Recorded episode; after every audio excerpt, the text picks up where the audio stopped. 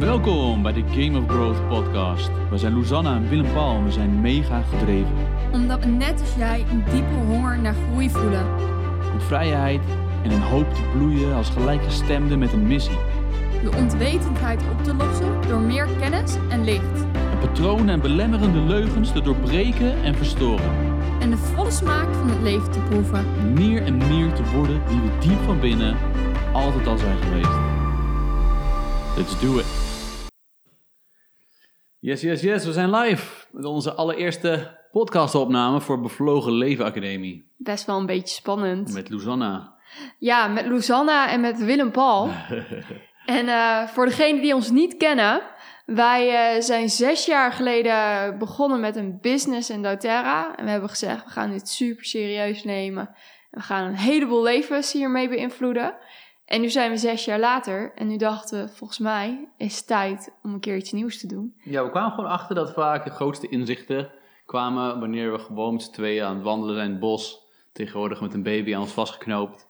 Of uh, als we rijden uh, met een lekker slapend kindje achterin en dan praten we met elkaar.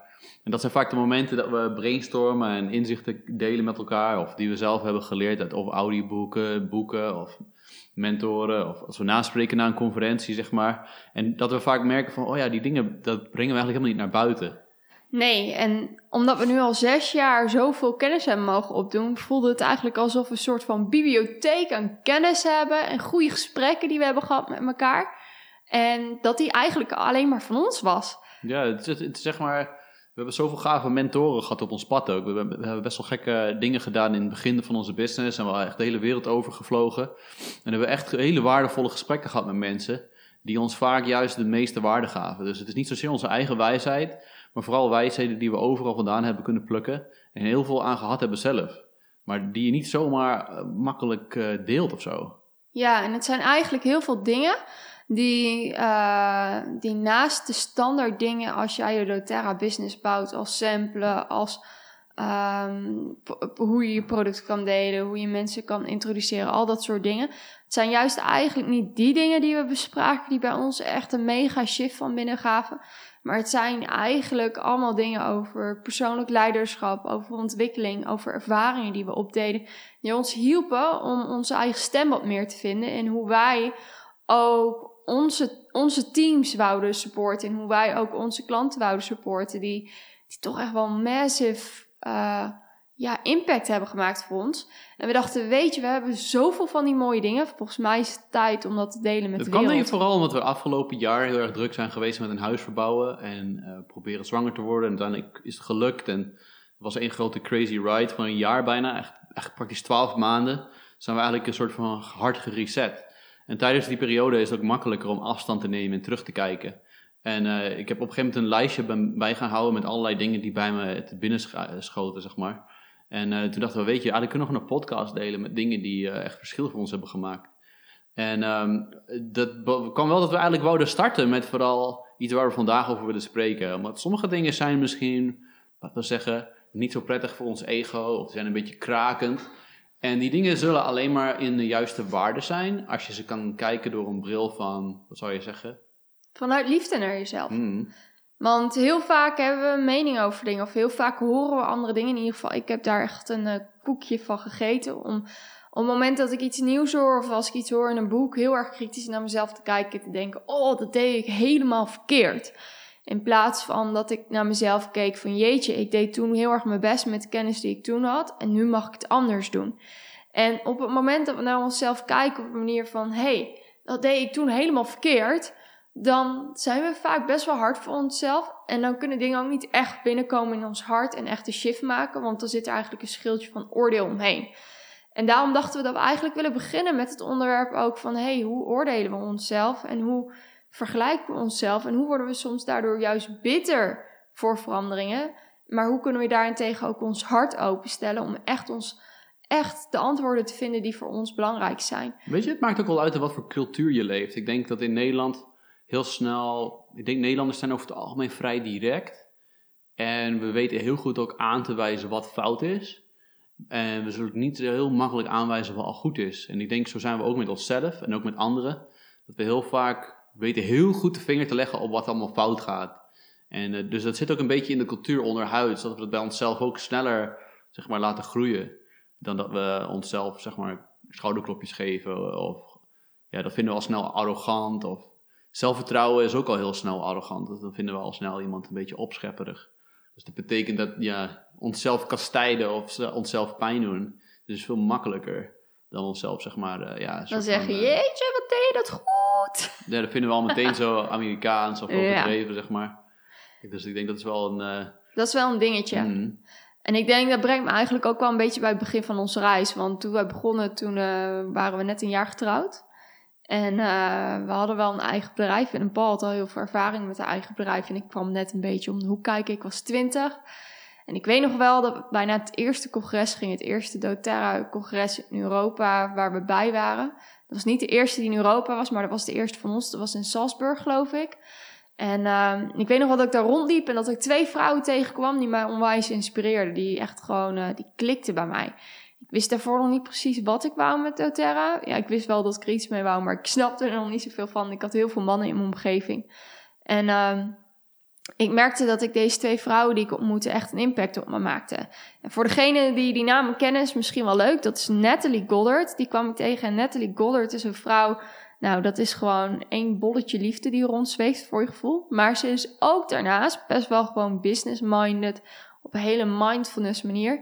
En uh, echt wel heel succesvol in doTERRA.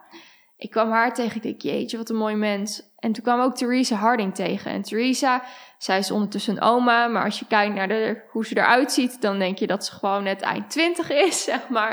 Ik weet niet hoe vaak zij immortel op de gezichtsmerk, maar het werkt. Um, loopt altijd op hoge hakken rond. Uh, is echt wel gewoon een pittig figuur, heel krachtig figuur, maar ook heel liefdevol figuur. En ik dacht, wow, als deze twee vrouwen doTERRA bouwen, dat inspireert mij. Die business wil ik ook starten. En uh, hun waren echt een voorbeeld voor mij. Ik weet nog wel, uh, dat, dat, ik had een foto met ze gemaakt. Die had ik opgehangen in huis. Want ik dacht, jeetje, als ik die ontwikkeling kan doormaken, dat vind ik echt gek. Dit wil ik echt doen. En toen begon ik aan onze reis en wij kwamen thuis van het congres. Helemaal, helemaal in onze vibe. Ik had echt voor mezelf gezien waarom ik dit wou doen. En uh, dat dit een bedrijf was waar ik ook graag mee geassocieerd wou worden. En toen begon het. En ik was twintig. En uh, bij mijn netwerk ging allemaal uit. En had helemaal geen interesse in gezondheid. Maar die had vooral alleen maar stappen elk weekend en die waren in andere modus. Die waren in totaal andere modus. Ik was nog super onzeker over mezelf. Ik had... Engels was echt steenkolen. Ja, mijn Engels was echt steenkolen. Ik had eigenlijk geen idee wat ik ging doen. En uh, ik begon maar met olie delen. En ik had ook nog steeds geen flauw idee wat ik op dat vlak eigenlijk aan het doen was. Behalve dat ik resultaten had gezien en dat ik dat wou delen met anderen. En uh, ik weet nog wel dat ik na een maand of twee maanden helemaal teleurgesteld was dat ik nog niet net zo goed was als Theresa Harding en Natalie Goddard. En dat was voor mij. Toen je toen eigenlijk stoppen. Toen dacht ik echt. Gefa gefaald. Failure, niet gelukt. En toen dacht ik echt, jeetje, er moet hier iets veranderen. En wat me opviel was dat ik deze business was begonnen met het idee van dit is een business, dus het is bloedserieus ik moet alles goed doen. Ik mag geen fouten maken. En ik moet heel snel groeien en heel snel alles goed doen. Heel erg op alles wat je kan meten eigenlijk. Alles wat ik kon meten. En ik vergat daarbij helemaal te zien waar ik eigenlijk begon. Want deze vrouwen, toen zij de doTERRA instapten, hadden zij al gezinnen.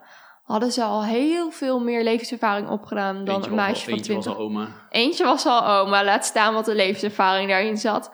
Um, en ik vergeleek me eigenlijk met mensen die op een heel ander punt in hun leven stonden, daar waar ik op dat moment stond. En ik was heel erg bitter en verdrietig geworden.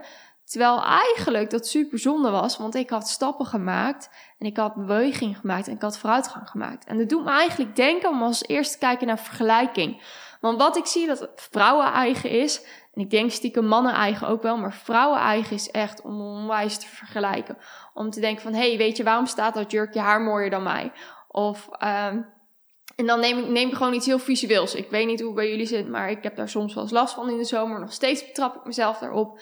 Uh, maar we zijn heel goed in onszelf vergelijken met anderen. En op het moment dat we onszelf gaan vergelijken, zit er eigenlijk ook altijd een oordeel op. En dat oordeel is, ik ben beter, of zij is beter, of die persoon is beter dan mij.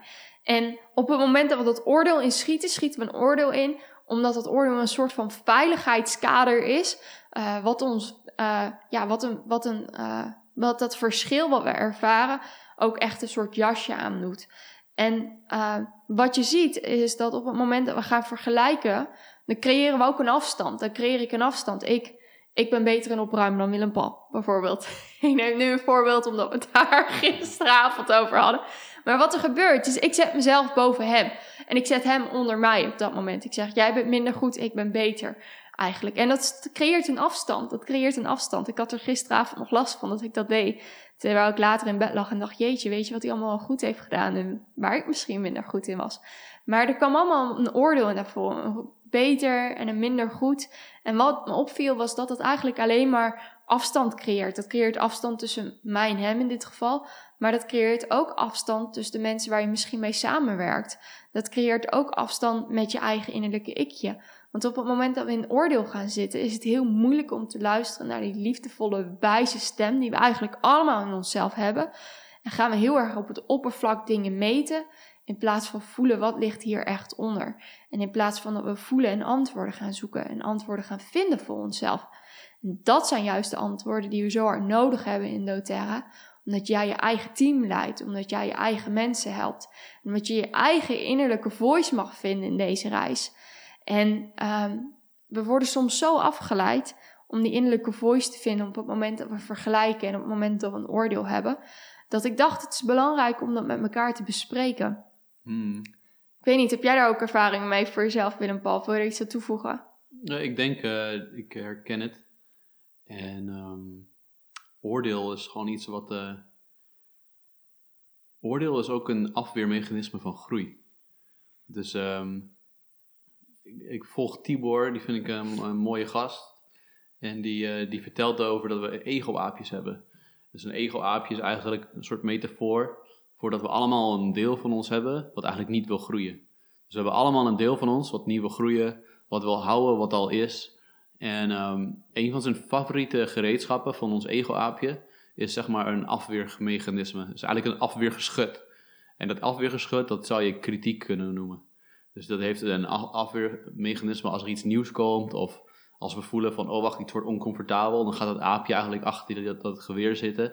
Dan schiet hij die dingen uit de lucht die kunnen verandering brengen, zeg maar. Dus oordeel is zeg maar iets wat ook gebeurt om al iets uit de lucht te schieten voordat het überhaupt ons iets kan brengen. Dus, en ook dat we bepaalde gevoelens niet mogen voelen. Dus heel veel heling, genezing, heel veel ontwikkeling komt door dat we onze hele ik omarmen en niet alleen maar wat we vinden, hoe we horen te zijn.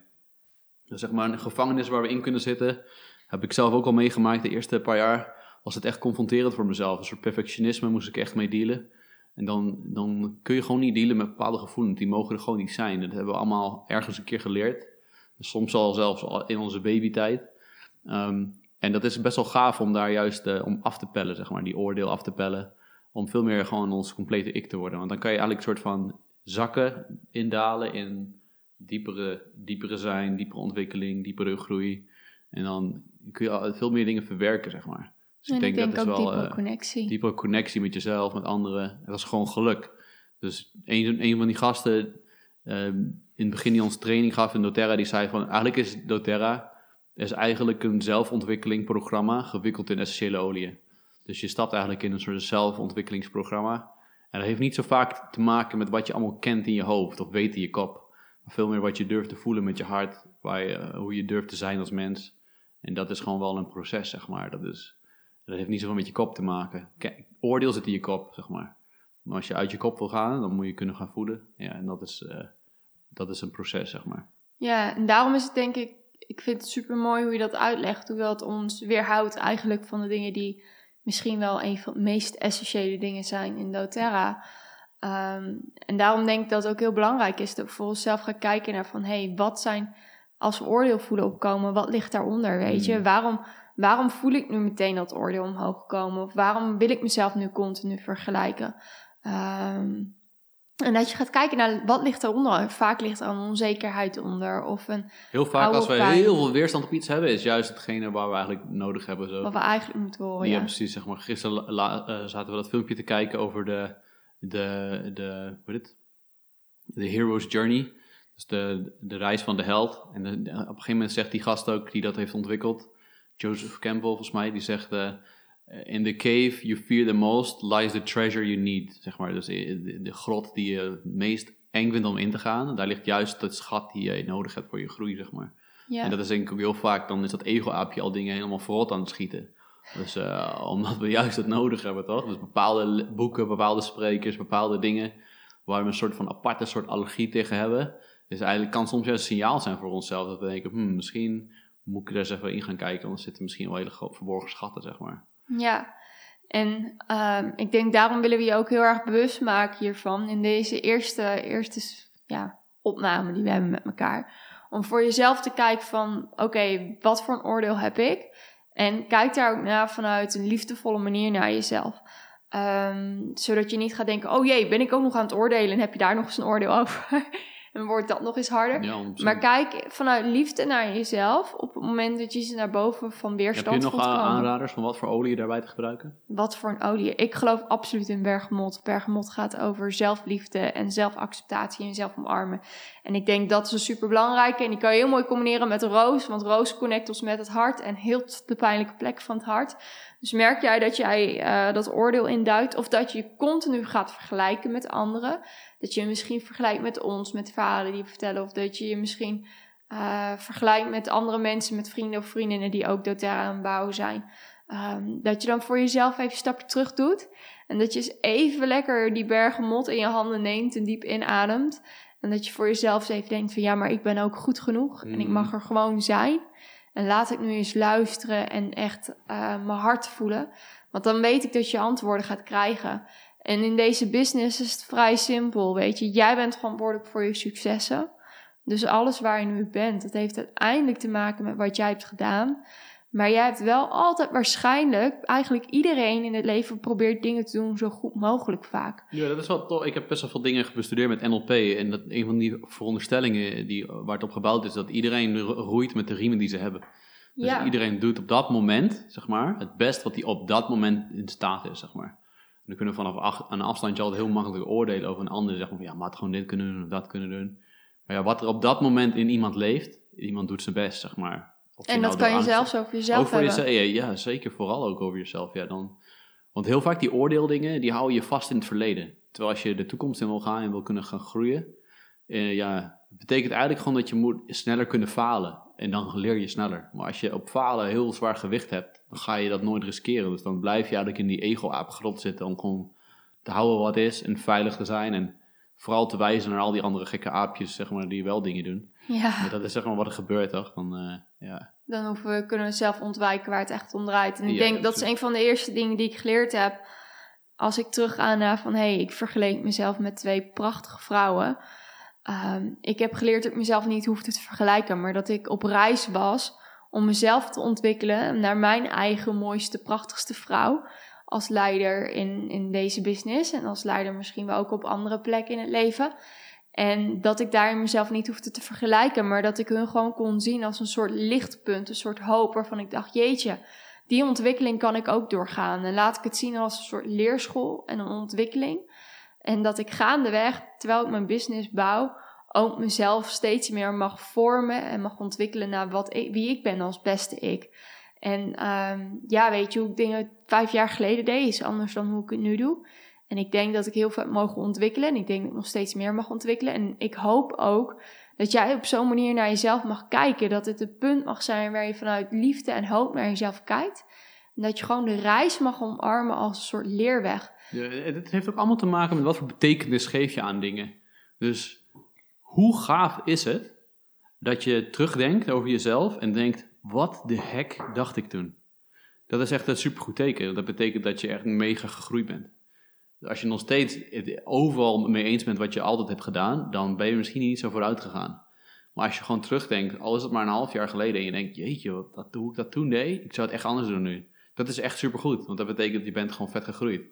Dus je kunt er op meerdere manieren tegenaan kijken. Je denkt, oh een sukkel, waarom dacht ik toen zo en zo en zo? En dan ga je zelf helemaal de grond in praten. Maar je kunt ook denken, oh vet dat ik nu al veranderd ben en er anders over denk, betekent dat ik gewoon echt aan het groeien ben ga je al heel anders voelen over die hele groei, zeg maar, dan dat je net zeg maar, een soort plakt of een stickertje, zeg maar.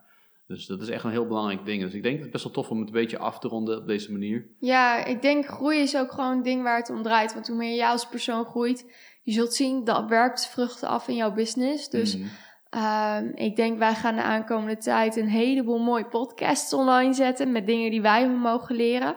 En we hopen dat jij daar ook je eigen ja, golden nuggets uit mag pakken. Die wij weer door mogen geven van mentors die wij ooit hebben gehad. Ja, dat is, dat is het doel ervan. En uh, we hebben een website, bevlogenleven.com. En daar uh, komen de podcasts op te staan. En um, we hebben ook Facebook en YouTube, al die gekkigheid. En op Spotify kun je het luisteren. Dus uh, we gaan het zo makkelijk mogelijk maken dat je lekker in je autoritje of waar dan ook gewoon met lekker kan luisteren. En ja, dat is ja. het. Pak jouw dingetjes eruit. Tot de volgende podcast, jongens. Hey ho, let's go. Ja, dat was het dan. De podcast is afgelopen. En we hebben ook een website, gameofgrowth.nl. Posten we dingen die je kan downloaden. Misschien andere verwijzingen zoals boeken. Je mag ons ook contacten. Het drijft ons allemaal om elkaar te inspireren, te ontvangen. Als je boodschappen hebt naar ons die je vet vindt of je wil ons ergens over contacten, wat we misschien genoemd hebben tijdens de podcast, gameofgrowth.nl. Super tof dat we een onderdeel zijn van deze cyclus. Ontvangen, geven en elkaar uh, inspireren. Tot de volgende keer en super bedankt. Later.